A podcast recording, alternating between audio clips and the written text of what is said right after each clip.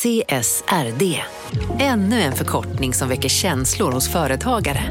Men lugn, våra rådgivare här på PWC har koll på det som din verksamhet berörs av. Från hållbarhetslösningar och nya regelverk till affärsutveckling och ansvarsfulla AI-strategier.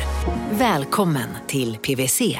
Välkommen till Unionen. Jo, jag undrar hur många semesterdagar jag har som projektanställd och vad gör jag om jag inte får något semestertillägg? Påverkar det inkomstförsäkringen? För jag har blivit varslad, till skillnad från min kollega som ofta kör härskarteknik på möten och dessutom har högre lön trots samma tjänst. Vad gör jag nu? Okej, vi tar det från början. Jobbigt på jobbet. Som medlem i Unionen kan du alltid prata med våra rådgivare. Hej, Synoptik här. Visste du att solens UV-strålar kan vara skadliga och åldra dina ögon i förtid? Kom in till oss så hjälper vi dig att hitta rätt solglasögon som skyddar dina ögon. Välkommen till Synoptik.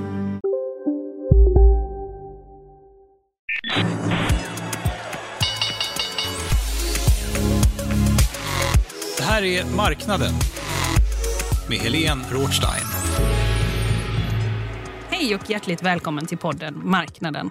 Det här är en podd där ni har en längre intervju på måndagar och ett liveinspelat program på fredagar. Jag heter Helene Rothstein och med mig i studion idag sitter en av världens bästa hockeyspelare genom tiderna. Mats Sundin, välkommen hit. Tack snälla, vad kul att få vara här. Före detta ishockeyspelare kanske. Exakt, för jag skulle precis säga att du har ju en lång och internationell ishockeykarriär bakom dig. Men du har ju lämnat ishockeyn och sadlat om.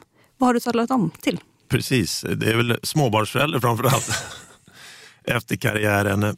Eh, men eh, ishockeyliv är väldigt, väldigt eh, inrutat och eh, under tio månader vet man, man kan titta i september exakt varje dag vad man ska göra och vet varje dag och det är två dagar ledigt över jul och så vidare. Så det lämnar jag bakom mig efter ja, 18 år som professionell ishockeyspelare och har försökt ta vara på det här med att styra min egen tid och engagera mig i saker som jag tycker är spännande, som jag brinner för. Och eh, då är både hälsa alltid lägga mig varmt om hjärtat. Det är någonting jag tycker är spännande. Och sen även engagera mig i ett, eh, ett teknikbolag som jag också tyckte var spännande. Jag är elektriker i grund och botten, som utbildning. Har du jobbat någonting som elektriker någon gång? Ja, det vågar jag knappt säga, men jag var nog iväg på något eh, sånt här eh, litet jobb direkt i samband med eh, skolan. Då, så fick man ju ut på arbetsplats. Men gick ju tvåårig elteknisk linje ute i Rubbecksskolan i Sollentuna. Så det vart inte en så lång elektrikerkarriär utan eh, jag valde att åka och spela ishockey istället. För jag skulle till exempel behöva ny elektronik hemma hos mig. Då, det är inget för dig eller? Det är ingenting, men det är ju- ett, ett bolag som jag har varit med och, och grundat faktiskt, Smartify. Då kan de komma ut till dig och det är bara googla och så får du ut en jätteduktig tekniker som kan allt Ja, i hemmet. precis. Du har varit med och grundat Smartify och IMR, ett institut som eh, hjälper då folk mot att ha en långsiktig välmående hälsa och man ska må bättre på sin arbetsplats. Man ska ha medarbetare som håller länge och sådär. Kan du bara säga kort vad ni gör för någonting där? Ja, framför allt ska jag väl säga så är IMR ett strategiskt verktyg så att ledare för organisationer i näringslivet jobbar vi nu mestadels mot kan säga att man på riktigt tar hand om sina eh, människor man har i organisationer, alltså sina medarbetare. Och vad vi vet så finns det inga sådana verktyg idag, men vi har försökt identifiera subjektiva och även objektiva mått på en hållbar människa. Det tycker jag är jättespännande. Vi har några Sveriges ledande forskare som har hjälpt oss. Och med det då så försöker vi ge organisationen ett ledningsgrupper och ledarorganisationer så att de på riktigt kan säga att de jobbar med hållbara eh, människor och medarbetare.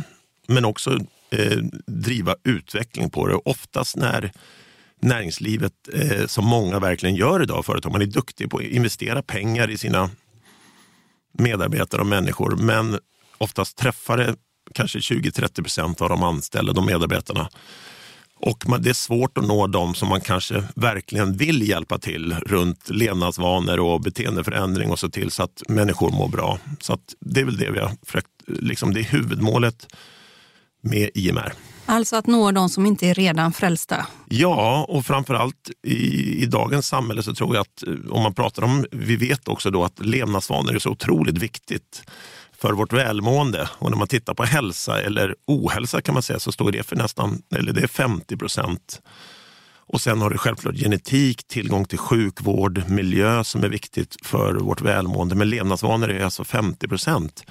Och det är saker som vi faktiskt kan göra någonting åt och, och kontrollera och eh, öka våra chanser att hålla oss friska och välmående och må bättre. Så det är det har vi siktat in oss på. Jag inledde ju med att säga att du är en av världens bästa ishockeyspelare genom tiderna. Håller du med om det?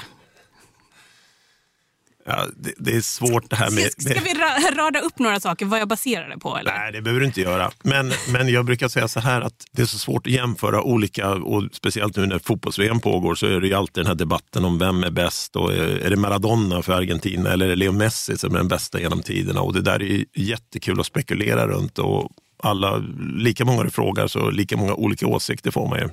Och det är alltid intressant. Men jag kan väl säga att under sen eh, början på 90-talet när jag spelade med Tre Kronor, om man tänker bara Sverige och representerar Sverige, så jag är jag jättestolt över vad vi har skapat under de åren. Jag har haft tur att vara lagkapten under många säsonger. Sen hade vi en väldigt bra generation spelare då med Niklas Lidström och Peter Forsberg och Ja, Tommy Salo som var en duktig målvakt, vunnit VM och OS med oss. Eh, Henrik Lundqvist självklart. Vi har haft en väldigt bra generation med ishockeyspelare. Eh, för det är en lagidrott. Och när det är en lagidrott då är det väldigt svårt tycker jag också att jämföra och så ha alla olika roller. Niklas Lidström spelar back och jag spelar center ibland forward. Och eh, det är precis som Leo Messi eller Modric i Kroatien som båda är mittfältare, men de har olika typer av spelsätt och sådär och då är det svårt att jämföra. Men, men eh, självklart, jag är jättestolt över dem, det som har hänt både med, under, med Tre Kronor-tiden och även det som jag varit med och gjort i NHL. Och så är jag invald i Hall of Fame. Så jag, någonstans är jag väl med bland några som har varit väldigt duktiga, både i Sverige och i Nordamerika. När man tittar bakåt på, för är det tre VM-guld, ett OS-guld och eh, över 500 mål i NHL? Ja, precis du en av få svenskar som är invald i Hockey Hall of Fame. Men nu kommer det ju tre till. Är inte det lite sjukt? eller? Fantastiskt. Utav, för det är fyra som väljs in varje år. Fyra som väljs in varje år. Och Vårat lilla land. Det är tvillingarna Sedin och... Eh, Daniel Alfredsson. Hall of Fame, ska vi, är det hockey, som hockeymuseum nästan? Eller hur ska man förklara vad det är för någonting? Nej, men du har ju ett uh, rock'n'roll Hall of Fame har ju i USA och det är väl ett sätt som många olika industrier uh, hedrar människor som har gjort ett bra jobb. Och det är inte bara spelare i Hockey Hall of Fame, utan det är, du har en builders category, det, det vill säga folk som har varit duktiga ledare. Du har media, som också väljs in i Hockey Hall of Fame, som har gjort ett långt, eh, bra jobb för sporten, så att säga, utveckla och se till så att, så att sporten syns utåt. Jag tycker det är ett jättefint sätt faktiskt att knyta ihop eh, historien och bygga på historien för framtiden och locka unga tjejer och killar till att spela ishockey eller om det är musik eller de här olika Hall of Fame som finns där ute. Det är ett, ett jättefint sätt och så är det otroligt hedrande som att bli invald i det efter en lång karriär som man har jobbat väldigt hårt så är det ett jättefint eh, liksom, slut, ett bra punkt på karriären. Nu när de här tre svenskarna valdes in så var det ju också ganska speciellt för att då åker också tidigare, eh, ni som har valts in tidigare, åker ju ner och så får man heja på isen och vinka till folk och, och lite sådär. Och du har varit med, hur många år har du varit med på det eventet? Jag, jag har varit invald eh, 2012. Ja. ja, men tio år, tio år blir det va? Ja, bra match. Exakt. Ja, så, då, så då åker du ner där och eh, det är andra svenskar där och en av dem som är med det här året, vem var det? Ja, jag tror du tänker på Börje Salming som var den första svensk som blev invald i Hockey of Fame och en som var en eh, viktig mentor för mig under min karriär och i och med att Börje också spendera stora delar av sin karriär i Toronto Maple Leafs, där jag, dit jag kom i mitten på 90-talet, så var han någon som verkligen hjälpte mig och vägledde mig hur man ska ta sig an en sån här eh, som spelar i en sån här organisation som, och Toronto Maple Leafs, för de som inte kan hockey riktigt, så är ju motsvarigheten till Barcelona i fotboll eller Real Madrid eller New York Yankees i baseball. Det är liksom en institution i ishockeyvärlden och man har varit väldigt framgångsrik 50-60-talet.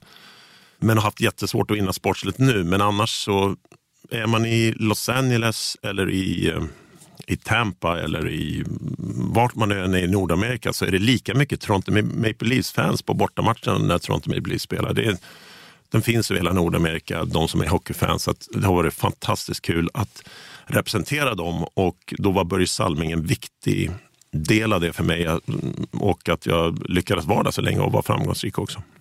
För man kan väl säga han var den som visade dig, har jag hört dig säga, att det går liksom att göra en internationell ishockeykarriär. Det var inte alls något självklart när du växte upp, eller har jag fattat det rätt? Nej, det är helt rätt.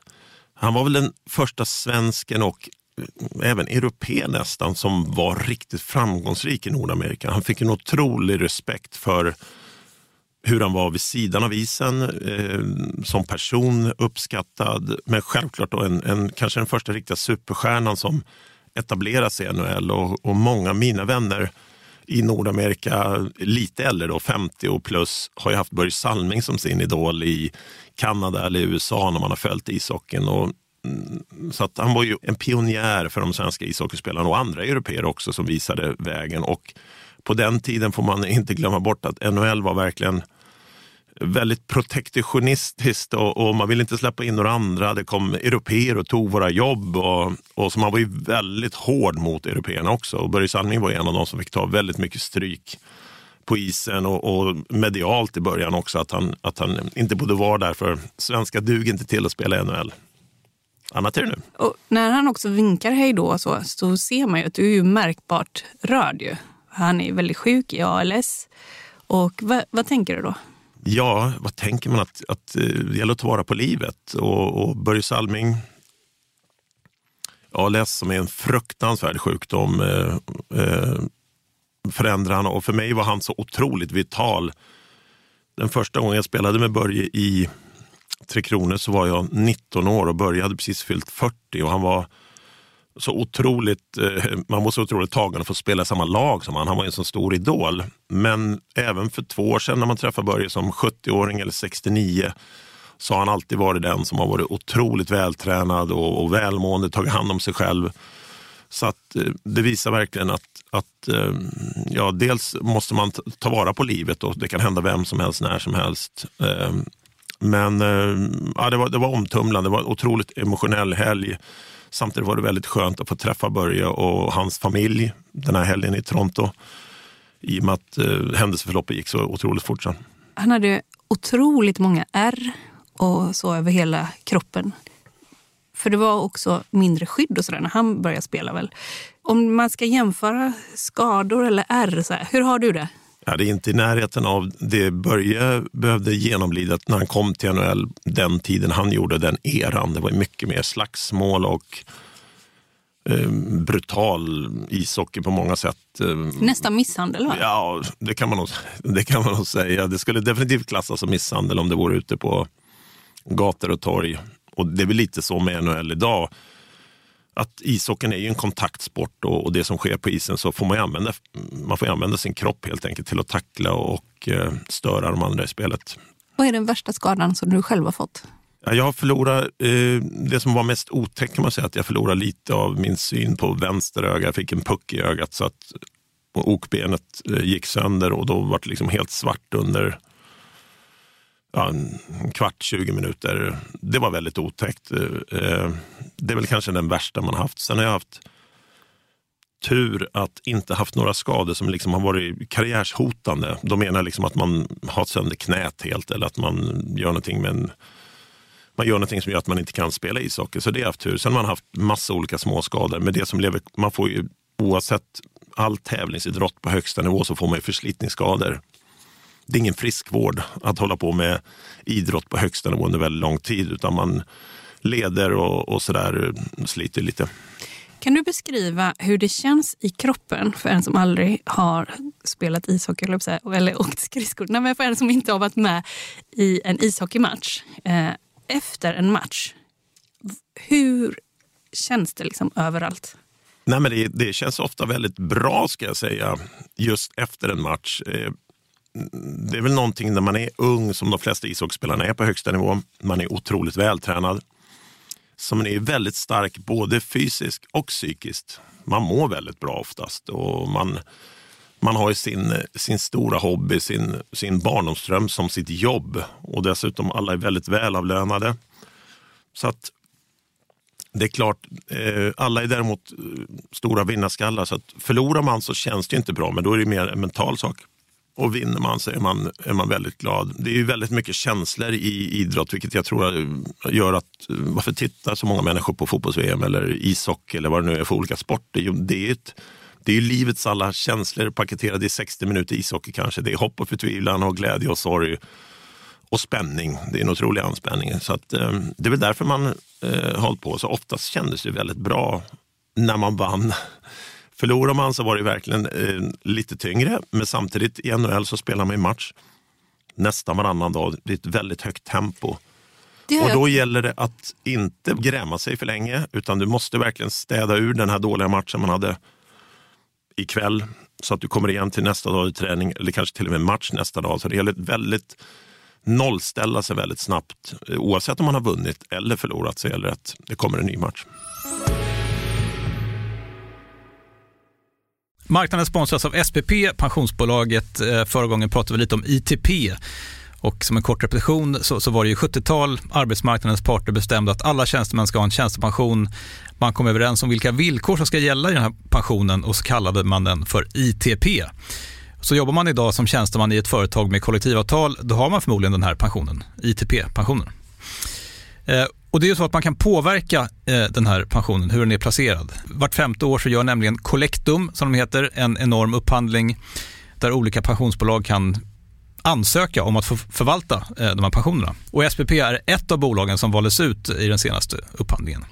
Och sen kan du som pensionssparare välja eh, vilket av de här olika pensionsbolagen som, som då ska få ta hand om dina pengar. Och tanken med den här upphandlingen är ju att liksom kvalitetssäkra de här olika alternativen eh, men också att förhandla fram stora rabatter så att pensionsspararna ska få ja, kunna spara pengar genom att avgifterna eh, som är så viktiga eh, blir eh, lägre. Och vill man välja någonting i ITP-systemet då finns det en relativt ny sajt som heter avtalat.se. Ehm, där kan man gå in och se hur sin ITP-pension är placerad. Jag gjorde det häromdagen faktiskt. Ehm, idén är att hälften av pengarna alltid ligger i något som kallas för traditionell försäkring. Det här gjorde vi ett avsnitt om i podden Kapitalet nyligen eh, som vi kallade världens bästa sparform. kan man lyssna på om man är intresserad. Eh, den andra halvan eh, den kan man också lägga i en traditionell försäkring eller så kan man placera det i något som kallas för fondförsäkring. Eh, SPP som sagt eh, var ju ett av de fåtal bolagen som valdes ut i den senaste upphandlingen och de finns med som alternativ både med en traditionell försäkring och med eh, fonder. Så det var en liten bakgrund till ITP-systemet. Vill man läsa mer om det här eller typ kolla hur ITP-pensionen är placerad, eh, kanske göra förändringar, då går man in på avtalat.se Eh, men tack säger jag till SPP som vill göra oss människor mer medvetna om hur enormt viktig pensionen är för oss som en framtida lön, men också som en positiv kraft i samhället eh, och förstås för att ni möjliggör eh, den här podden Marknaden. Du lyssnar på Marknaden med Helene Rothstein. När du kommer till Kanada, då är du ganska ung och i Sverige finns det ingen utvecklad agentkultur riktigt, utan du får en amerikansk agent. Och sen slutar han tror jag, efter två år eller någonting och du får en svensk agent. Vad är det du behöver hjälp med när du ska signa ditt första kontrakt? Hur går det till ens? Ja, det är en bra fråga. Jag hade en, en, precis en amerikansk agent under några år i början på karriären. Sen hade jag faktiskt en annan amerikansk agentbyrå som hade eh, svenskar i Sverige som hjälpte dem kan man väl säga. Då. Men agenten har en viktig roll för att NHL och professionell, det är inte bara NHL idag, utan all professionell idrott på högsta nivå blir, i och med att den är professionell och det är en stor industri, så blir det också eh, kommersiella frågor runt det som är viktigt att ha koll på. Och agenten är ju där för att skydda sin klient, sin ishockeyspelare, om man pratar ishockey, se till så att saker görs på rätt sätt, avtal skrivs på rätt sätt, man har rätt förväntningar, rätt ersättningsnivå, försäkringar och kanske till och med letar en ny arbetsgivare om saker inte är som det är eller, eller har kontakt med olika typer av eh, arbetsgivare. Alltså ishockey, olika, det kan vara NHL-klubbar men det kan lika gärna vara klubbar i Europa, Schweiz, Tyskland eller vad nu spelaren ska spela, Sverige. Var du nöjd i efterhand med ditt första kontrakt som du skrev eller kunde det, kunde det ha varit bättre? Nej, jag var jättenöjd. Eh, det, det, är en dröm, precis som jag berättade. Jag gick elteleteknisk, kommer från en vanlig medelklassfamilj i Sverige. Pappa jobbade på Televerket och min mor var eh, distriktssköterska. Och de hade skjutsat oss runt hela, jag har två bröder, de får runt med oss. Det fanns aldrig något krav på sport överhuvudtaget. Däremot var de alltid där och ställde upp med skjutsar och köpte utrustning. Och man förstår i efterhand hur mycket tid och energi de la, la på sina barn och, och, att barnen ska få hålla på med det de tyckte var roligt. När man sen då har de här stora passionen för en idrott och sen plötsligt så kan man livnära sig. Det blir väldigt surrealistiskt när man plötsligt då skriver ett avtal och så tjänar du en jättemycket pengar på det här som du aldrig har tänkt att du behöver tjäna några pengar på överhuvudtaget. I pengar, hur var det kontraktet, första kontraktet? Hur såg det ut? Ja du, det är en bra fråga det. Men jag vet inte om det var runt fyra eller 500 000 dollar kanske. Något sånt jag, jag, minns inte riktigt totalt. Det, det var Kanada-dollar på den tiden också. Kanada, men vi säger att det var 3-4 kanske per år. Så ja. var det en monstersumma därifrån jag kom. Så att säga. Var din pappa med dig då när du skrev det? Jag vet inte om han var med då, men han fick, han fick se det här avtalet till slut i alla fall. Ja, och vad sa han då? Ja, han, han sa ju då någonting eh, på skämt såklart eh, när han tittade på det där. Någonting om... Eh, och, jag har sagt det här i en intervju till en tidning och då ringde min kära far upp. Det där har jag aldrig sagt. Men han sa någonting med att din J eh, snorunge någonting. Din jävla snorunge. Ja, precis. Ja, ja. Eh, med självklart eh, glimten i ögat och tyckte det var helt fantastiskt. Men det var det jag menade, det, det sätter allt och jag har en otrolig respekt med var man kommer ifrån och när man ser hur ens eh, föräldrar har jobbat hela arbetslivet och sådär. Och så kan du plötsligt tjäna så mycket pengar på någonting som är din hobby. Surrealistiskt. Vad tänker du om det? För med åren så har det blivit, eh, jag har suttit och småräknat på det här, med åren har det blivit sådär någon miljard, ungefär en miljard om man summerar alla kontrakt. Ja, jag ja. vet inte, det är ja. dollarkurser och sådär. Ja, men ungefär där. Vad tänker du om det? Som du säger, du kommer där från Sollentuna och sen kan man ju säga, ni har ju jobbat, det verkar sinnessjukt tempo som, ni, som du har jobbat också. Men vad tänker du om det ändå, att det blir sådana summor och, och sådär? Med, med tanke på var du kommer ifrån. Ja, det är väl någonting man inser om man har varit många år i NHL och professionell sport och det känns som att det där bara växer. Eh, spelare känner ännu mer idag inom alla idrotter ska jag säga. Och det är en, eh, till syvende och sist så är det ju en fråga om intresse, det vill säga hur många människor tycker att det här är intressant att följa, hur många tittar på det på tv kanske framför allt, som driver de här i stora sportindustrierna som NHL är också idag. Så att tv-avtal som NHL skriver och de olika klubbarna är centrala för vad för typ av ersättning, hur mycket folk kommer till matchen och så vidare. Och vissa olika klubbar är duktiga på det här. Men eh, eh, man kan säga att, ja, och när det är mycket, då är kanske eh, ishockey, fotboll är väl extrema vad det gäller ersättning. Du kanske har Formel 1, det finns några andra sporter också som är det är väldigt hög ersättning som också är helt baserad på hur, hur, hur många människor bryr sig om den här sporten och tycker att den är intressant. Så att, nej, det är klart, eh, hade man valt en annan sport, vilket det lika gärna hade kunnat bli, så hade det kanske inte sett ut som det gör, men det får man vara tacksam för.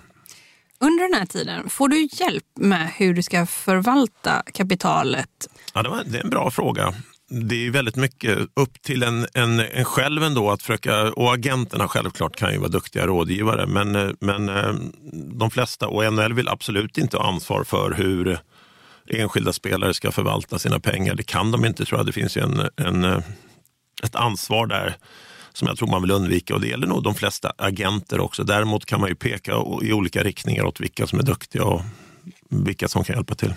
Hur gjorde du själv? Ja, men jag hade tur. Jag träffade en person ganska tidigt i tidiga år. Ett duktigt eh, bollplank och var väl väldigt konservativ hela min ishockeykarriär egentligen. Runt vad jag skulle göra med pengarna och sådär. Alltså en banker? Eller en, alltså en... Ja, före detta eh, en, en som har jobbat som, i, som family office. Fortfarande eller? Ja, inte idag så mycket. Utan, eh, men, men eh, någonstans så är det väl bra att få någon med ekonomiska eh, bakgrund och, och förstå förvaltning och hur man ska tänka. och sådär. För det är också sådär som du säger, man är, det är unga killar, man har spelat hockey hela sitt liv. Sen går man ju nästan in, som det verkar, i en institution. Man blir ju nästan institutionaliserad, eller? Ja, det blir ju en, en eh, om man ska vara lite tuff så kan man ju säga att man blir, när man väl har skrivit på NHL-avtalet så så har du då, precis, du har ju rätten till din ersättning men samtidigt så ställs det ju väldigt höga krav på killarna. Självklart eh, på performance, se till så att man verkligen eh, levererar eh, och det är mål, assist, se till så man gör det absolut yttersta man kan för, för klubben. Det är väl den, den stora saken som är, som är kravställning och sen självklart eh, andra saker också som kommer med det. Så att, men men eh, någonstans ändå för min egen del så var det alltid den här tanken när det börjar ställas höga krav också att jag, det är fortfarande till syvende och sist är det en lek ishockey. Precis samma som jag spelade i Sollentuna när jag växte upp eller spelade TV-pucken, spelade med Djurgården. Och till slut NHL. Spel har inte förändrats. Det är lite större insatser, men för att vara framgångsrik i spel också så måste man egentligen ha ta samma tankesätt. När man kommer ut på isen i en OS-final eller en, en viktig match i NHL-slutspelet så är det ändå den här tanken om lek, självklart vilja vinna och vara liksom väldigt bestämd runt det. Men till slut så måste det ändå leka. För om man inte leker så är man liksom en halv sekund, en hundradels sekund efter. Det går liksom inte att hålla på och åka runt och tänka, utan då måste man verkligen vara i nuet och få ut de här sakerna man har tränat och repeterat väldigt mycket när det är en match. Så du menar också att eh, även ifall man blir, som jag säger, institutionaliserad. För det finns ju någonting här, en dubbelhet med, som jag har tänkt, men det är kanske inte det. I att du är liksom stjärna och arbetare samtidigt. Alltså på ena sidan myntet och på andra sidan så, så ska du ändå göra exakt vad du har blivit tillsagd. Vad tänker du om, om den dualiteten? Ja, precis. Och, och Jag tänker mer så här att man inser när man väl har kommit till NHL och så ska du bygga ett lag och du har lagkamrater och fans som, som du någonstans får en relation till och de får en relation till vem du är. Och samtidigt nästa morgon kan du vara bortbytt till en annan klubb. Det vill säga, då, då är du verkligen bara här har vi den här eh, spelaren och så byter vi bort den mot de andra två spelarna som vi kanske vill ha lite mer. Den eh, sidan skulle jag vilja säga är väl den som är liksom svårast tror jag. Eller i alla fall första gången när det sker. Då tycker man att det här kändes inte så kul. Jag vill ju verkligen vara för den här klubben och jag har byggt känslor kanske för klubben och fansen och stan man bor i. Nu hade inte jag barn när jag var i NHL, men det finns ju de som har familj och som ska ur skolor och så vidare. Det blir väldigt komplexa så det är en otroligt skarp eh, liksom, cynism nästan. verklighet. Eller du? Ja, eller är, även, det, är det cynism? Har jag fel? Ja, ja, det är nog lite fel. Men däremot kan ju lag till exempel, det händer i NHL fortfarande att hela lagen säljs till en annan stad. Så man flyttar, Quebec Nordiques till exempel, där jag spelade mina första fyra år, eh, köptes ju av eh, några eh, som varit ägare då till det här laget och flyttade dem till Colorado till exempel, till Denver där de fick sin bas. Winnipeg flyttade till Arizona. Det händer inom all professionell idrott i Nordamerika. Så det finns en, en verklighet där som är business och eh, den får man ju förhålla sig till så att säga. Men då vill jag också säga Samtidigt, i den där väldigt affärsmässiga då, verkligheten som finns och killarna är såklart otroligt välbetalda, vilket gör att nu byter vi bort dig till en annan klubb här och lycka till.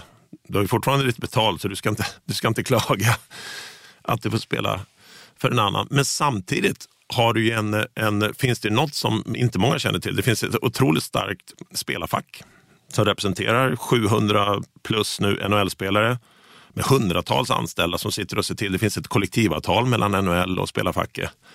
Så det är hårda förhandlingar. Spelarna är välrepresenterade runt alla sina rättigheter och skydd på så sätt. Och det som är mest intressant tycker jag med alla professionella ligor i, i Nordamerika fungerar likadant. Om du har, nu vet jag inte ens hur många lag det är men 31-32 lag. Det laget som slutar sist de får välja den bästa 18-åringen i världen i draften som kommer sen. Nej. Så det finns ett... Det, det, det blev du utsedd som. Det var jag, precis. 1989. 1989. Så när Quebec Nordics var det sämsta laget i NHL, ja då ser NHL till så att nu ska vi hjälpa Quebec-fansen här och, och stan och se till så att de får en chans att bygga en bra framtid.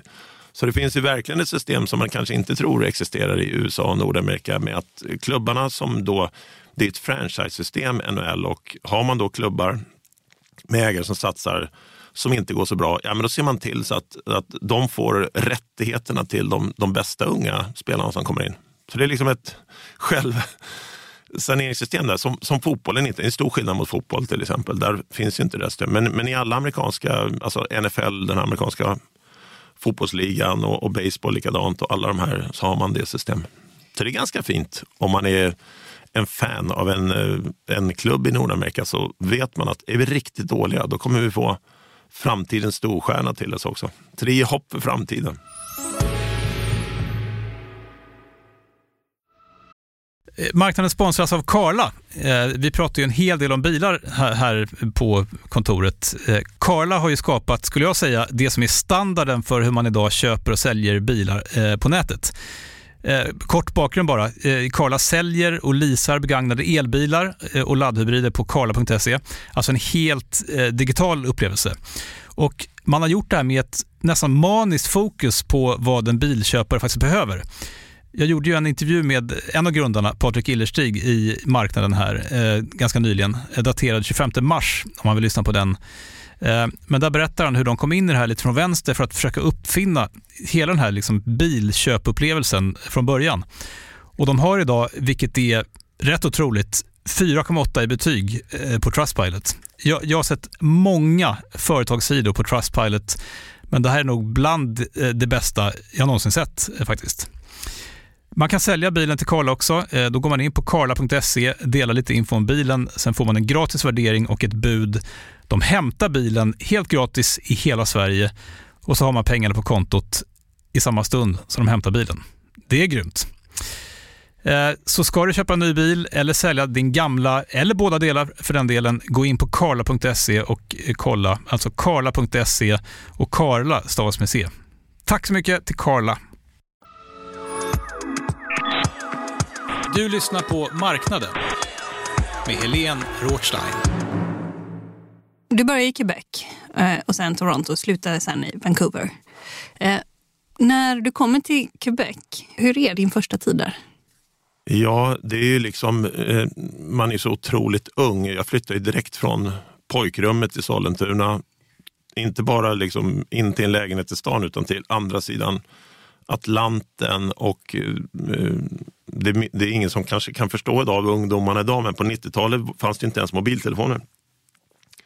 Så jag kommer ihåg att man fick faxa hem, kommer jag ihåg, skicka en julhälsning på jul och så ritar man en tomtegubbe.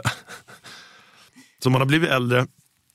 Men eh, ja, det är klart, sen hade jag tur. Quebec var ett väldigt ungt lag. Jag tror vi hade en snittålder på 22 år, så det var ju samtidigt en otroligt härlig miljö att vara i. Killar från olika delar av världen. Många i samma situation eh, och sen spela, spela hockey på det och alla tjänade pengar. Så, där, så att, det var en, en otroligt roligt de fyra åren. Och sen, och sen Toronto, som man kanske, fattar jag rätt, att man kan jämföra det som Rio för fotboll eller Barcelona eh, fotboll. Så har vi då Montreal och Toronto. Fast Toronto är typ som Mecka i religiösa hockeyvärlden. Ja, eh, Montreal är ju, är ju fransktalande Kanadas kan man säga huvudstad och även liksom lag eh, och Montreal Canadiens. Och sen har du Toronto Maple Leafs och i anglosaxiska delen av Kanada och största delen. Och Toronto Maple Leafs-fansen är inte bara i Ontario som ligger på i östra delen av Kanada utan hela vägen ut mot Vancouver och Edmonton, Calgary, stora delar. Och när NHL började så var det ju bara sex lag och då var det ju så att när tv sändes i Kanada på CBC, motsvarigheten till SVT, så var det ju liksom hela Kanada följde egentligen. Då var det två lag och det var Toronto Maple Leafs som var då engelsktalande delen av Kanada och så hade du Montreal Canadiens fransktalande. Så där har du ju ett riktigt derby liknande Djurgården-AIK i ishockey-Sverige. Så när Montreal Canadiens och Toronto Maple Leafs spelar, då är det på blodigt allvar. Och, och, Quebec som, som provins har ju haft flera omröstningar där de har försökt gå ur Kanada till och med. De har ju varit väldigt, och det har ju slutat 51-49, det har varit otroligt jämnt i de omröstningarna. Så att, där finns det en inbyggd rivalitet eh, som handlar också om kultur och språk och, och allting. När du var så ung och du fick massa pengar, vad gjorde du med pengarna? Ja, eh, eh, för det första så tror jag att under hela min karriär, de här 18 åren i NHL, så har pengarna aldrig varit drivkraften för, för varför, varför jag gjort det jag gjort så att säga. Utan det har funnits en, en väldigt genuin passion och, och kärlek till, till sporten ishockey. Jag älskar alltså alla stora idrottskvinnor och män också. När man, när man är på den där nivån så måste man också gilla att vara lite på den stora scenen. Jag kan tänka mig kanske som skådespelare, man måste ju trivas där och tycka att wow, nu får jag komma ut och visa vad jag kan och det, det är 25 000 på läktaren och så är det många miljoner som tittar på tvn. Och det, det har ju alltid varit lite spännande och kul och det har gjort att, det gjorde att jag spelade bättre. Jag tyckte det där var spännande. Du trivdes Men, med den, den, rollen? Ja, det måste man göra. Ja. Och, det, och det du gjorde alla. det personligen? Gjorde du också. Ja, det gör man. Ja. Man gör det. Jag tror att, och sen får man kalla vad man vill, men jag, jag vet och jag har ett väldigt starkt minne från TV-pucken när jag var 15 år när det var dags för semifinal. Då, för då var det plötsligt eh, direktsänd på tv och man gick i högstadiet. Och det där var ju spännande. Och då, då liksom hittade man ännu mer krafter och tyckte att nu verkligen ska jag visa vad man går för. Va? Så att det där är spännande. Det är psykologi. Många personer ska jag säga, reagerar nästan tvärtom. Man blir lite eh, timid och spänd och får inte ut kanske sin, sin kunskap eller det man har tränat väldigt mycket på. Men eh, det måste man tycka om om man ska spela på yttersta nivå.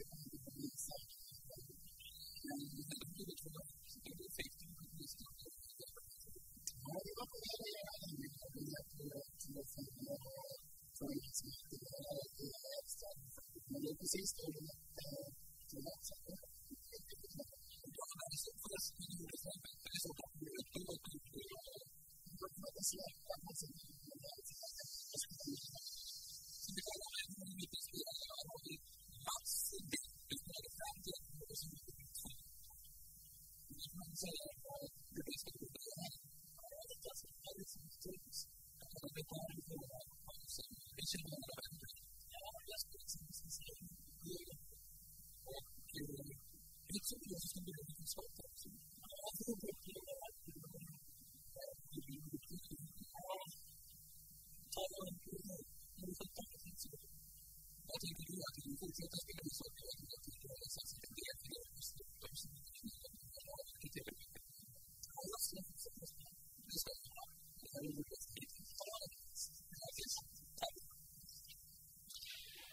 Finns det någonting också i att det, det ställs högre krav för att du vet att du är iakttagen? Någon mer tittar. Det är inte bara den här publiken utan du når också ut liksom lite överallt. Att det är också det som sätter en press. Ja. Eller finns det något exhibitionistiskt också? Ja, men det är nog något ex exhibitionistiskt tror jag. Att man, att man trivs, att, att uh, strålkastarna tänds och uh, nu är det på allvar inom uh, situationstecken. Så att säga. Det blir lite viktigare och då måste man som person tror jag gillar det situationen tror jag, om man ska hålla på med tävlingsidrott på högsta nivå. Eller, det kan jag tänka mig gäller andra saker i samhället också. Man måste tycka att det där är spännande. Du blir så småningom lagkapten i Toronto. Vad lärde du dig? Vad skulle man tänka på och så vidare när man är lagkapten? Jag, jag var lagkapten väldigt, eh, alltså i TV-pucken och tidigare än det. Så för mig har det varit... Ja, sen du var barn nästan? Sen jag var barn nästan. Uh. Eh, så för mig har det varit en naturlig del eh, av att eh, liksom, var det någon, ha någon typ av ledarroll och det tyckte inte jag förändrade så mycket mot faktiskt i, att vara lagkapten för Toronto med Leafs eller Tre Kronor för den delen, eller i TV-puckslaget. Det är nog en del hur, hur man är som person och, och, vissa tror jag trivs väldigt bra i den rollen. Andra vill absolut inte ha den rollen i ett, i ett ishockeylag och det är nog samma i, i samhället i stort. Men jag tyckte det och, och, jag tyckte det var roligt och spännande och jag tyckte också att jag spelade bättre i, i den rollen. Alltså jag, jag gillade det ansvaret. Den stora skillnaden är väl sen då såklart om man är lagkapten för Toronto Maple Leafs som är en institution i ishockeyvärlden och i Kanada så blir det ett, ett, ett, mer mediefokus och du får ta lite mer ansvar och svara mot media om inte bara din egen prestation men kanske om laget och, och vad som händer i, i gruppen och sådär. Och, och samma i Tre Kronor. Men, men eh, och ut, den största utmaningen var ändå med Toronto när man kunde ha sju, åtta, nio olika nationaliteter. Ryssar, ukrainare, amerikaner, kanadensare. Vissa pratar inte riktigt engelska. Men ishockey i sig är ett universellt språk. Alla förstår vad som händer på isen.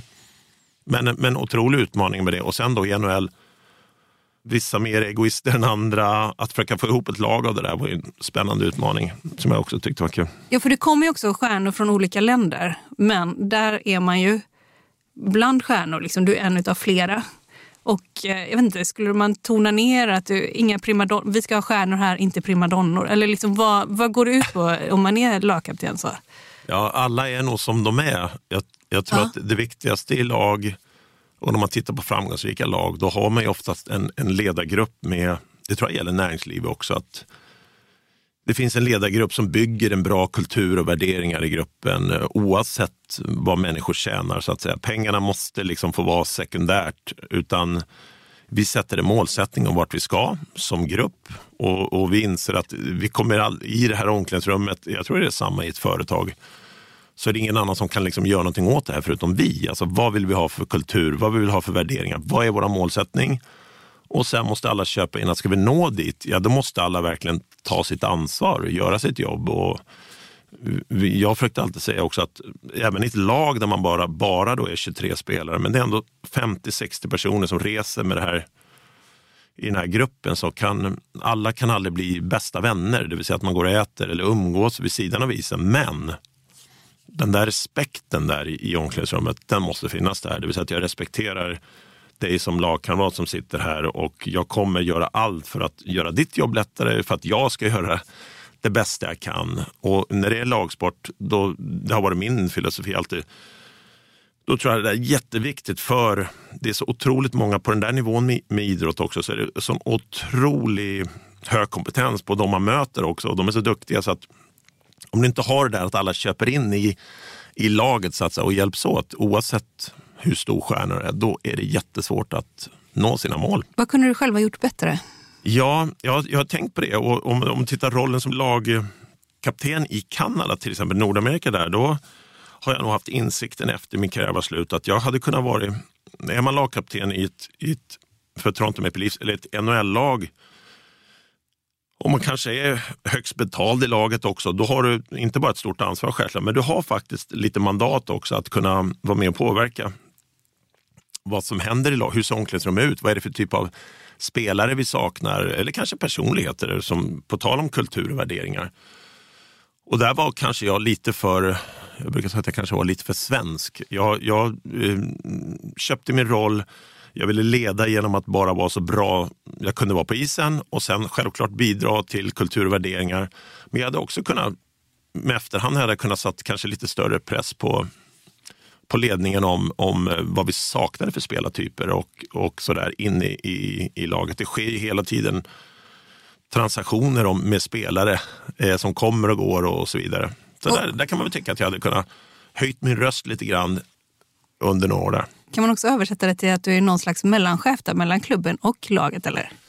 Mellanchef, Är Det det, vet jag att inte. säga så? nej det är inte taskigt. Nej. Men man kan väl säga att eh, lagkaptenen har ju en, en direkt relation till tränaren som är ansvarig för hela truppen, ansvarig för ett spelsystem, ansvarig för ja, kultur och värderingar som finns i omklädningsrummet också. Så där finns det en dire- direkt dialog och det kanske inte bara är lagkaptener utan det brukar vara en, en mindre eh, grupp, så att säga. lagkapten, assisterande lagkaptener och någon till som är kanske erfarna. De har mm, varit med förr och de, de ses som en ledargrupp i laget. Och sen även uppåt. Sen har du ju eh, general manager ovanför tränare och sen hela vägen upp till en president för en organisation.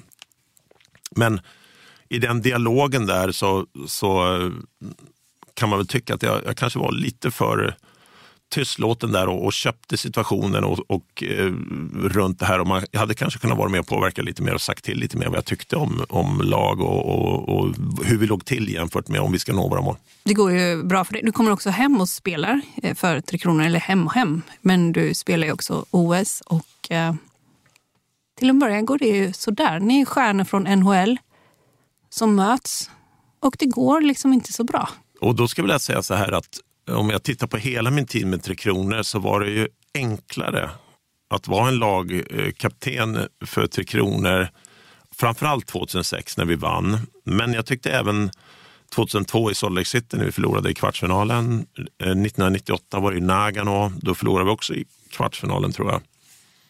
Men vi, eh, där var det här, det här att, att alla ska köpa in i omklädningsrummet var eh, på något sätt lättare. Det kanske har med språk att göra, det har med kultur att göra redan, värderingar och sådär.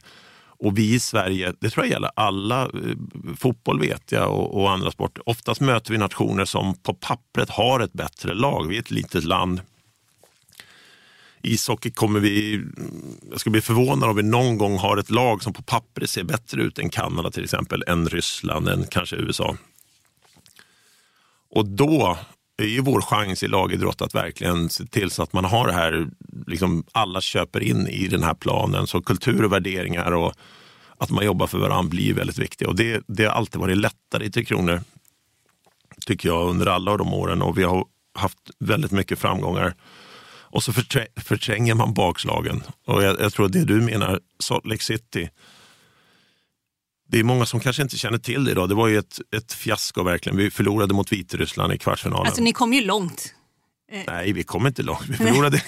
är, kvarts, dags... är kvartsfinal inte långt eller? Nej, det är det inte tycker Nej. jag. Med, med okay. ishockey där så, är, även i Salt Lake City hade vi ett tillräckligt bra lag för att vi är och slåss om medaljerna. Jag tycker semifinal, då är det fyra lag kvar och då är det små marginaler. Ja. Men Vitryssland skulle vi självklart slå.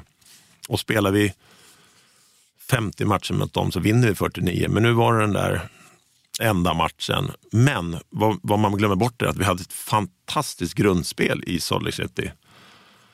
Så vi slog Kanada som hade ett superlag på pappret. De var dubbelt vi hade, Peter Forsberg var skadad för oss då, han var inte med i laget. Vi slog också Tjeckien som var regerande olympiska mästare med ett kanonlag. Så vi hade ett jättebra grundspel och sen hade vi en sån här match där vi hade, saker gick inte sin väg. Det är idrott till slut ändå, så matchen måste spelas. Man vet aldrig hur det kommer sluta. Och där fick ju också målvakten Tommy Salo, han fick ju mycket skit. Fast, ja. Vad tänker du kring det? Ja, det, alltså, det är en lagsport. Man vinner och förlorar som lag. Det är aldrig en enskild individs eh, eh fel att man förlorar. Det är väl det man glömmer bort i den turneringen också. Vi hade slagit Kanada som var ett super superlag i, i grundserien. Jag tror vi slog dem med 5-2 eller något sånt där. Vi slog Tjeckien. Tommy hade spelat fantastiskt. Jag tror att det stod väl i tidningen också att de skulle ta alla våra de skulle ta ifrån oss våra svenska pass i och med att vi förlorade mot, mot Vitryssland. Men det gällde ju alla spelare. Så att, eh, nej, det, det är såklart att det inte stämmer. utan det, Man vinner och förlorar som ett lag. Sveriges tre hockeymusketörer skapade 10 sekunder svensk hockeypoesi. Men för flera av Finlands stjärnor var det här också sista chansen att vinna något stort tillsammans. Pucken skulle vara in bakom Sveriges sista utpost Henrik Lundqvist. Räkna in, räkna in! Du Hur klarar Lundqvist det? Lundqvist bästa räddning i matchen. Aj, aj, aj, där kommer chansen för Lehtinen. Och Selene. Dubbelchans. Prata, prata, prata med varandra. Där är Numminen. Den ska ut! Den ska ut! Lehtinen. Den ska ut! Och Lundqvist klarar det. Detta jätteläge för Jokinen. Det kommer en till. Stå upp, stå upp! Stå upp! Skott igen. Stå upp! För Lundqvist löter ut den. Numminen. Skott. Bra! Sätter Jajamensan! Fyra, tre, två, ett. Mina damer och herrar. Sverige är på nytt olympiska mästare i ishockey!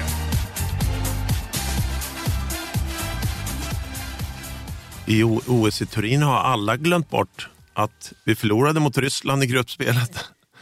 Vi förlorade mot Slovakien.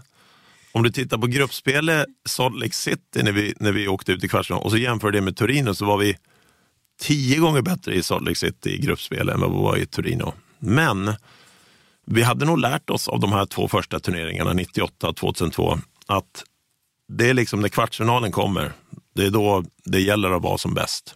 Och det var verkligen eh, sista chansen för min generation kan man säga, för mig själv och Peter Forsberg, Niklas Lidström, han var väl med i någon turnering till kanske, men, men det liksom, vi var ju alla Eh, förbi våran, våran bästa tid som ishockeyspelare som är mellan ja, 23 och 30 kanske när man är som bäst. Vi var ju alla över 35 och, och lite äldre än så. Så att det var ju verkligen sista chansen och då eh, föll korten på plats. Alltså, vi lyckas vinna de här tre matcherna, kvartsfinal, semifinal och final, som man ska göra om man ska vinna guld och, och vara med och slåss om medaljer. Vi, vi pratade lite om den gyllene generationen. Om man ser en skillnad mellan dig och till exempel Foppa så var ju han skadad ganska stor del av sin karriär. Eh, du har inte varit det eh, och man är ju olika. Så här. Men varför har du inte varit eh, skadad? Vad har du... Ja, jag tror att det är mycket tillfälligheter också. Ishockey är en kontaktsport. Jag är lite större än Foppa. Jag är Du är 1,95. 1,95 och Foppa var lite över 1,80. Eh, Det hjälper idrott såklart. Du har, en, du har en större kroppsmassa så du kan ta emot fysiskt stryk. Eh, Så att det är väl en av anledningarna. Och sen säkert tur och, och så vidare. Finns det någonting speltekniskt? Ja, Foppa kanske har varit också lite mer, liksom, eh, förstå mig rätt, men lite mer vårdslös i sitt spel. så att säga. Han har ju, var ju en otrolig krigare på så sätt. Med tanke på hur stor han var också och spelat på lite annorlunda sätt än vad jag gjorde. Så att vi hade lite olika speltyper också. Och lite olika. Nu spelar vi center stora delen båda två. Men Foppa till exempel spelar ju på kan, han spelade ytter när vi spelade i OS när vi vann 2006 med mig och, och Fredrik Modin. Så att det är lite olika. Men, men jag tror olika. Jag skulle säga ändå att det, det mesta är nog slump också, att, att, man, att man får skador på olika sätt. Så jag har haft tur under min karriär också att det inte drabbas så mycket av skador. Men det är olika faktorer som spelar in. Du har nästan inte haft någon frånvaro ju. Från matcher. Eller? Nej, jag, jag har klarat mig väldigt bra under de åren jag var där borta. Från, eh, när jag varit äldre så blir det mer skador. Man får mer eh, sträckningar och det kanske är något ledband i ett knä. Som, det tar lite längre tid att återhämta sig. Kroppen är mer känslig. Men mellan 20 och 30 var det absolut inte mycket. Du lyssnar på Marknaden med Helene Rothstein. Jag har några Twitterfrågor här till dig. Eh, och eh, här, det kommer ju vilka som helst här nu. Eh, så är du beredd? Hur involverad är du i dina egna investeringar? Har du hjälp hela vägen eller tar du beslut tillsammans med rådgivare idag? Ja, och man kan väl säga att de här eh, onoterade bolagen som jag involverat har varit med och grundat är jag Smartify? Eh, Smartify som var först och sen IMR som jobbar mot eh, ett strategiskt verktyg mot företag. Eh, där sitter jag i styrelsen med som delägare. Går de bra eller? Smartify har haft det ganska tufft, men i år ser det jättebra ut. Eh, och Det är väl det jag tycker är spännande nu med de här organisationerna. Det är ett lagbygge. Att hitta duktiga ledare och människor som eh, står för bra kultur och värderingar som jag tror på väldigt mycket själv. Det tycker jag är spännande. Eh, så Smartify ser det bra ut i år faktiskt. Det har haft några tuffa år, vi har förlorat stora kunder. Men nu eh, ser det jättebra ut det här året. Vi har fått in en duktig eh, vd där, Rickard Åvall. Och, och, ja, men det känns jättespännande. Och IMR är så tidigt. Det är ganska nystartat. Så att, eh, men det växer och vi träffar hela tiden nya ledare. Vi har några otroligt duktiga ledare från näringslivet som ser vad vi gör, förstår värdet av det. Eh, och det tycker vi är jättespännande. Varför har du gett dig in i detta? Vad är det för fel med kalsonger och tofflor? Det är inget fel med det alls. Ditt varumärke som namn Ja. har du inte kapitaliserat på Nej. efter sporten. Varför inte? Ja, dels har mitt, mitt namn och det varit så otroligt eh, i medialt och publikt under de här åren som aktiv. Kanske framförallt när man har varit lagkapten i Toronto under de här åren, även Tre Kronor. Så att, eh, jag, jag har aldrig tänkt i de banorna. Jag kanske inte har något riktigt bra svar heller, men det, det har inte varit aktuellt. Och eh, sen också från en som heter Hank. Varför lyckas inte Djurgården bygga upp ett riktigt bra hockeylag? Hade Ja, det men jag- ändrats om 50% regeln ändrats och eh, hade du själv då kunnat köpa klubben? Ja, nej, det hade jag inte gjort. Och det, det, jag tror inte... Du vill inte ha någon eh, hockeyklubb? Nej, det vill jag inte. Men, men jag, jag håller på Djurgården som eh, stockholmare. Jag är fostrad i Djurgården, hade en otroligt fin utbildning med Djurgården. Pojklaget och upp i A-laget. Så att, ja, men jag tror Djurgården är på gång. Jag tror att det händer bra saker där och jag ser att de har gjort om väldigt mycket eh, vad det gäller ledarskap och ibland krävs det att man kanske behöver en nystart. Nu har Djurgården åkt ner i Hockeyallsvenskan men då får man en chans att kanske, att använda den här reset-knappen vad det gäller kultur och värderingar. Och, och Djurgården är ett fantastiskt fantastiskt eh, eh, eh, nu säger jag varumärke, men ett, ett hockeylag som är känt i hela Sverige. Så jag tror att de kommer tillbaka snart. Så man behöver inte vara orolig för det. De var väldigt sura på dig ju, när du drog till Kanada. Ja, det var- Jättesura! Då var de sura ja. Men det Ja. var ju 1989 precis. Då var det Men, lite men, stökigt. men du verkade lite så här whatever, eller? Ja, man är väl sån när man är 19 år. Du skulle ha spelat längre och sen så drog du till Kanada. Så, Ja. så, så att det var ju sur, de var, ar- de var arga på riktigt. Ja, det var, de var arga på riktigt och eh, vi tyckte olika om saker som var lovat och som stod i avtal. Blev det hade- jag hade- juridisk tvist? Ja, det, det vart det väl aldrig tror jag. Jag, kan inte, jag minns inte riktigt, det vart, gick nog aldrig så långt. Men jag åkte till Kanada kan man säga ett år tidigare än jag kanske hade velat till och med. Jag hade gärna varit kvar i Djurgården en säsong till, men nu blev det som det blev och det gick bra. Och då ville man också ha transfer. Man vill också ha ersättning för det. Ja, precis. Från och det får man också. Ja. Nu har vi en bra Ja. relation, jag och Ja. Djurgården, så det är jättekul. Och haft, haft sen året efter det. Ja.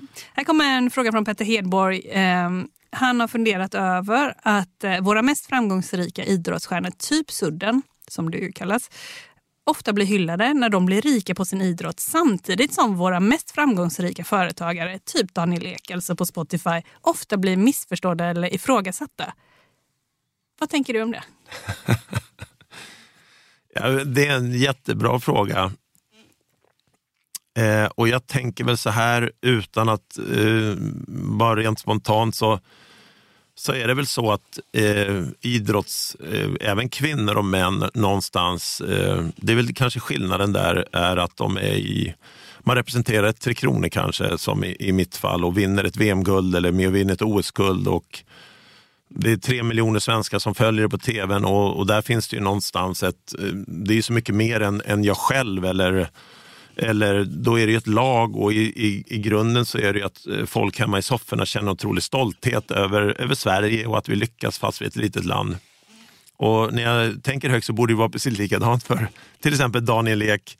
Känner du Eh, honom? Vi har sprungit på varandra. En otroligt sympatisk och duktig ledare och, och otroligt framgångsrik. Men det är väl kanske, så det är väl det jag lite funderar högt här.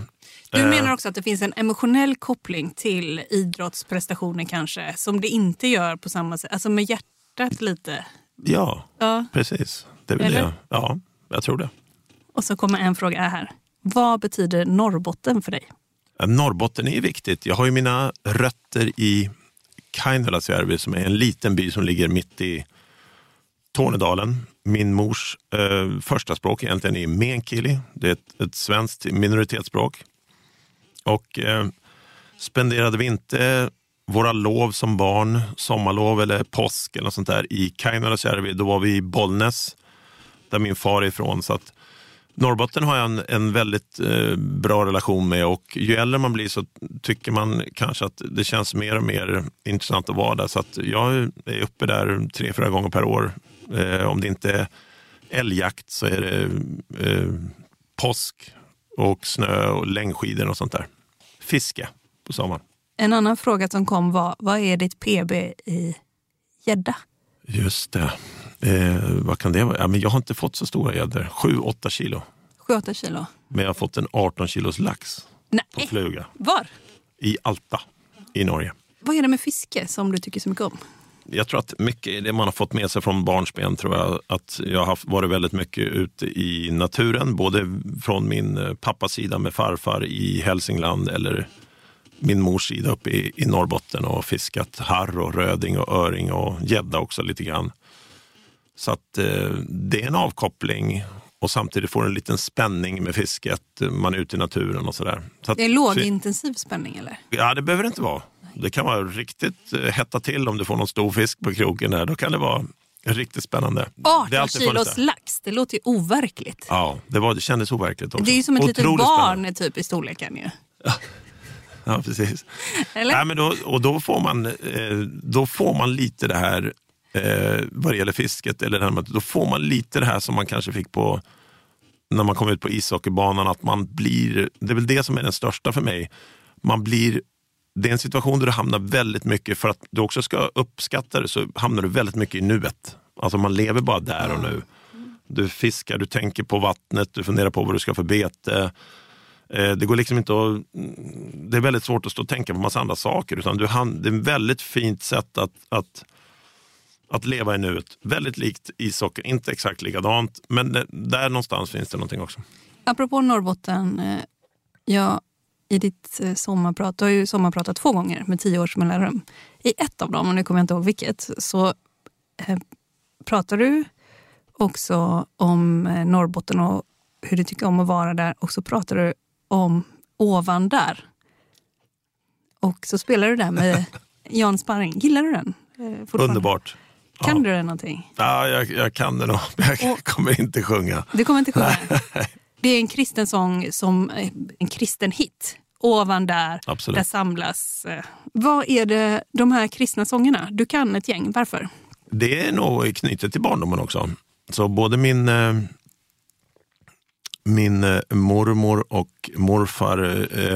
Tornedalen är ju, det fanns en rörelse där som, som finns idag, även lästadianer. Eh, nu var inte de riktigt eh, sådana på det sättet, mina, min mormor och morfar, men väldigt mycket kristna sånger i, i, eh, hos mormor och morfar när jag växte upp.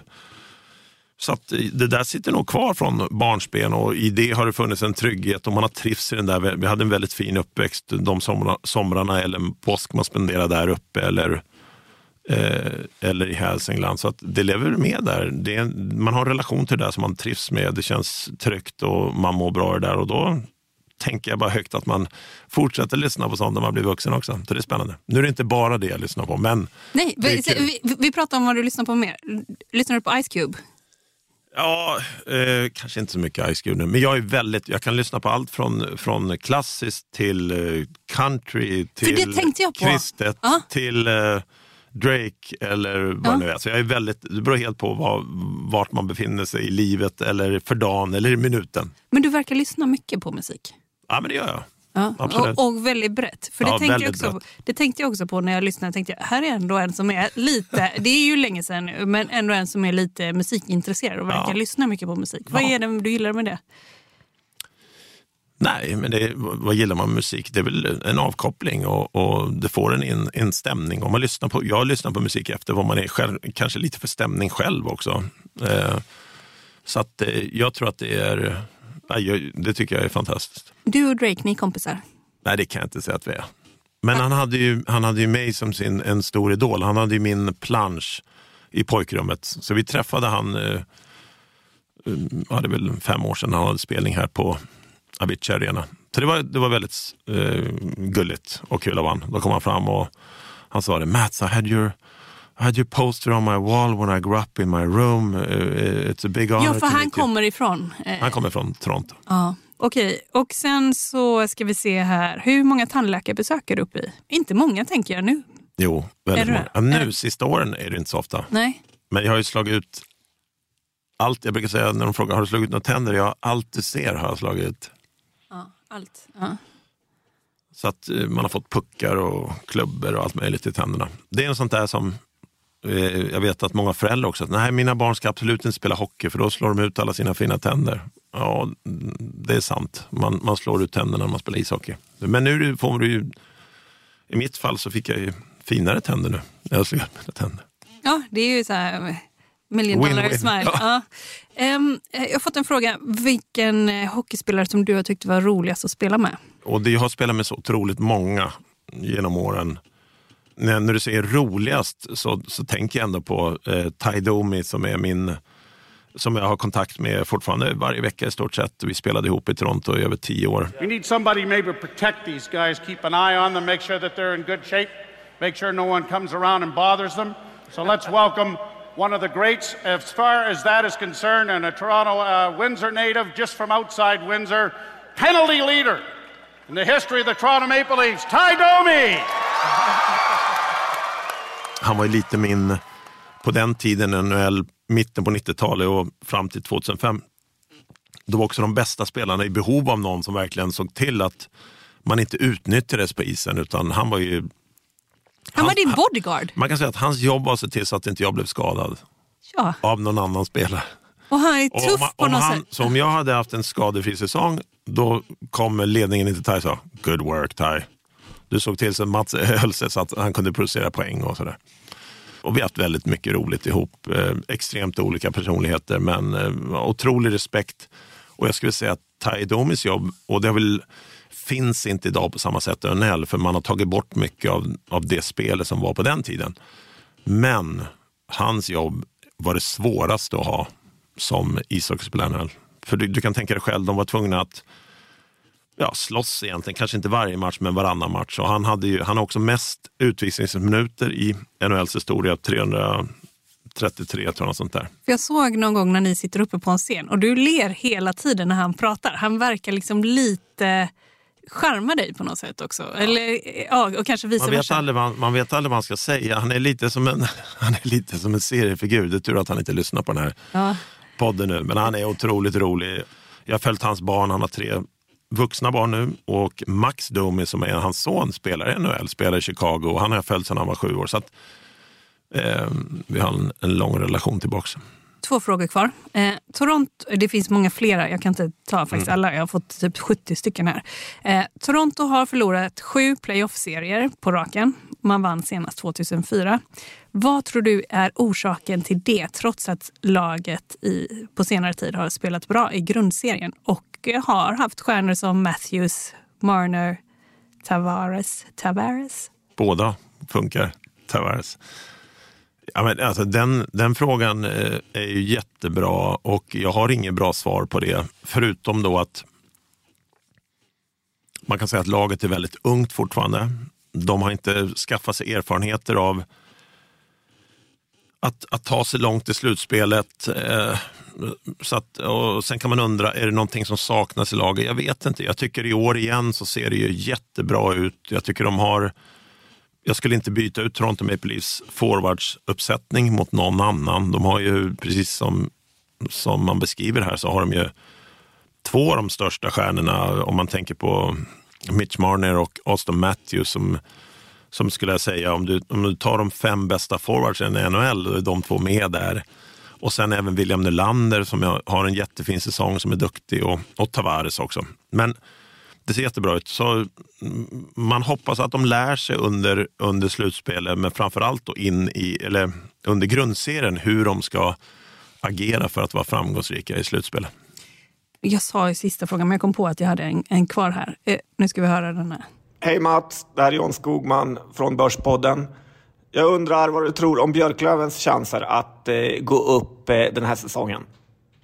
Ja, eh, nej, de, de är väl det är väl Modo och Djurgården och Björklöven och något lag till kanske som gör upp om den där SHL-platsen. Så att eh, den finns där och det är små marginaler. Björklöven var nära förra året. Eh, men det, det, är tufft i och med att det är bara ett lag som går upp och du har väl en tre, fyra bra kandidater idag i, i Hockeyallsvenskan som, som vill ta den här platsen. Om du skulle tippa, vad skulle du sätta? Är det Djurgården, Modo eller Björklöven? Jag kan inte tippa emot Djurgården. Utan eh, jag, jag tippar på att Djurgården tar sig upp ja. i, i, i SHL i år. I min värld så verkar det som att du har brutit med ishockeyn. Nej, det stämmer inte.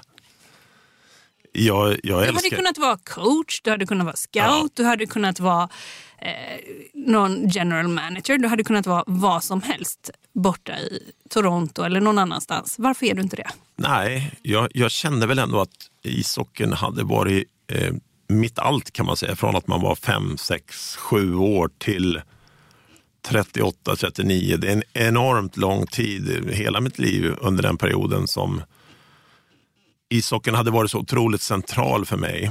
Så att för min egen del var det här sista året med NHL också kände jag att nej, nu, nu eh, vore det så otroligt skönt att göra något helt annat. Så det, det är väl den enkla förklaringen. Sen finns min kärlek för sporten kvar. Eh, jag är, det händer saker i hockeyn. Där jag, till exempel Hockey Hall of Fame där jag får träffa spelare och man har olika event och sådär. Men jag är inte med, med medvetet har jag inte engagerat mig i ishockeyn på yttersta nivån igen, för jag har också en otrolig respekt för vad som krävs. Precis som spelare så krävs det ju samma passion och engagemang om det ska bli bra som ledare. Och det har jag aldrig känt att den tiden och det nu, nu, nu värderar jag min egen tid på ett annat sätt och, och, det är så mycket annat som händer vad det gäller familj och, och andra saker. Som att, och, och framförallt att vilja styra min egen tid och komma bort från det här inrutade, nischade hockeylivet som det faktiskt är. Både som spelare men också som ledare i ja, vilken roll man än har så är det ju verkligen ett 24-7 engagemang som krävs om, om det ska bli bra. Du är färdig? Precis. Men ändå sa du lite nej när jag sa att du har brutit. Ja, man kan inte säga att jag har brutit, för ishockeyn har ju, det är en så, så central del av, av mitt liv och, och den jag är. Ja. Så att den kommer alltid finnas där. Men du hör ju hur jag presenterar dig. Du ja, bara, ja jag slutade 2009. Ja, ja. ja, men det är jättebra. Ja. Så jag, jag, följer NHL, jag följer hur det går för Toronto med Leafs, jag, jag tittar på Djurgården, hur, hur det går för Djurgården i, i Sverige. Men jag har en otrolig respekt för det jobbet som krävs som eh, ledare i ett, i ett, i ett eh, lag på yttersta nivån. Det är ett jättekommitment och jag tycker det är fel också att bara för att man kan efter en lång karriär hoppa på något sånt om man inte känner att den där glöden, för den där glöden måste vara detsamma oavsett om du är spelare, led, alltså tränare eller manager någonting, då måste du verkligen, då måste man gå all in, annars blir det inget bra. Nu är du inne på vad kan näringslivet lära kring ledarskap och då är det då utifrån din erfarenhet från ishockey. Vad kan man lära? Och, eh, och eh, om jag ska ställa en otrevlig fråga, vad vet du om det? ja, det är en bra fråga.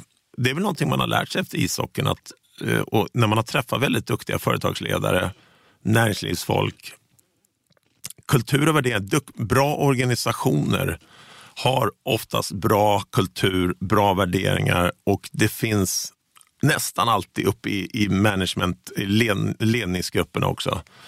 Så att, eh, eh, och, och de allra flesta organisationer som vi träffar när IMR träffar, de säger att man frågar om vad är den, den viktigaste tillgången i en organisation? Ja, men det är våra medarbetare. Eh, har ni ett bra, tar ni ansvar för det på, på ett riktigt sätt och ett strategiskt sätt? Och, när man pratar om IMR så är det väldigt få som har ett, ett, ett grepp om det. så att säga. Man investerar massa pengar i sina organisationer för medarbetare, men är det mer för att attrahera bra arbetskraft eller för att se till så att de mår bra och håller över tid? Va? Så att jag tror att det finns massor att lära från, eh, åt båda hållen, men från, från eh, yttersta tävlingsidrott för, för ledarskap inom näringslivet. Vad är bra värderingar enligt dig? Ja, och, och nu pratar vi liksom grupp och organisation och sådär då är det väl för mig att, att eh, lite som jag när jag tänker på omklädningsrummet i NHL, de här 23 spelarna, och så har vi, sätter vi en målsättning vart vi ska inom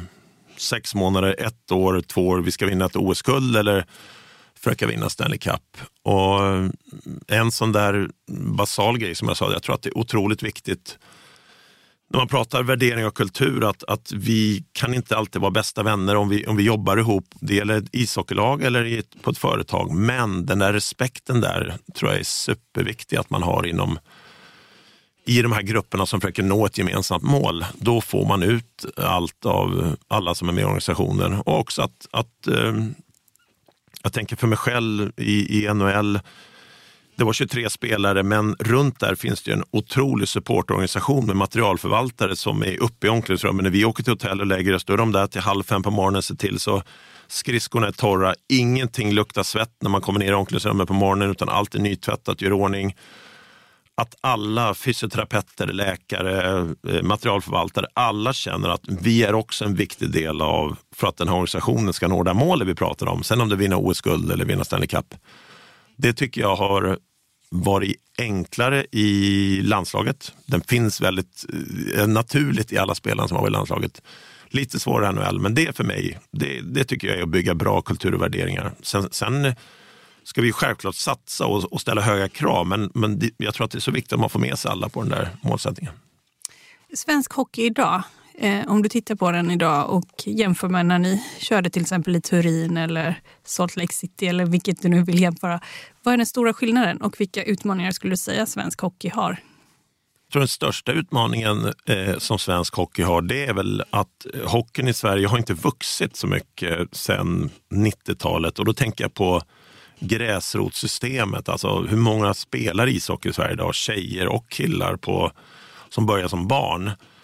Eh, eh, det, det, fanns mycket mindre att välja på när jag växte upp. så att säga. Hockeyn var ganska självklar. Eh, Idag är den inte det på, på samma sätt. Barn har så mycket, mycket mer att välja på och så står det i konkurrens också mot iPads och telefoner och, och, alla de här olika digitala spelen som lockar barn, som, som hade lockat mig också i den åldern. Så att, eh, hockeyn har utmaningar. Det finns ingen självklarhet att det ska komma nya generationer som är väldigt bra. Sverige är ett väldigt litet land. Så vi är väldigt beroende av ett väldigt brett gräsrotssystem i Sverige och det har vi alltid haft. Föreningar, småföreningar ute i landet, duktiga ledare som är engagerade, det är oftast föräldrar. Och så den är inte självklar. Och sen då hockeyn ännu ett problem är att det är en ganska dyr sport. Det vill säga att Idag är det, eh, det krävs nästan att du har en väldigt hög utbildning som förälder och du, du bor i ett visst område. Vissa så socioekonomiska effekter är också påverkade av vilka som kan spela hockey. Det är inte bra.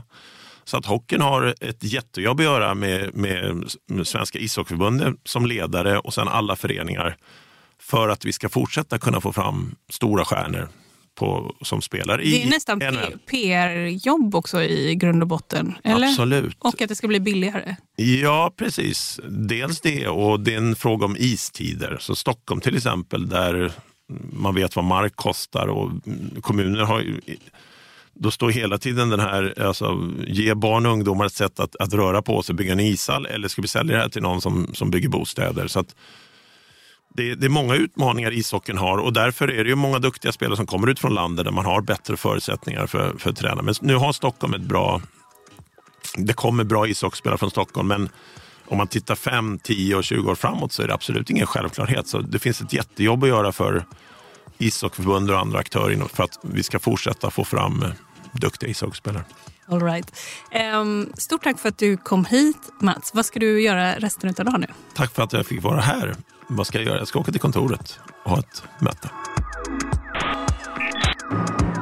Du har lyssnat på podden Marknaden med mig, Helene Rothstein. Den här podden den produceras av Monopol Media. Ansvarig utgivare är Jakob Bursell. Vi hörs om några dagar. Håll ut! Hej då!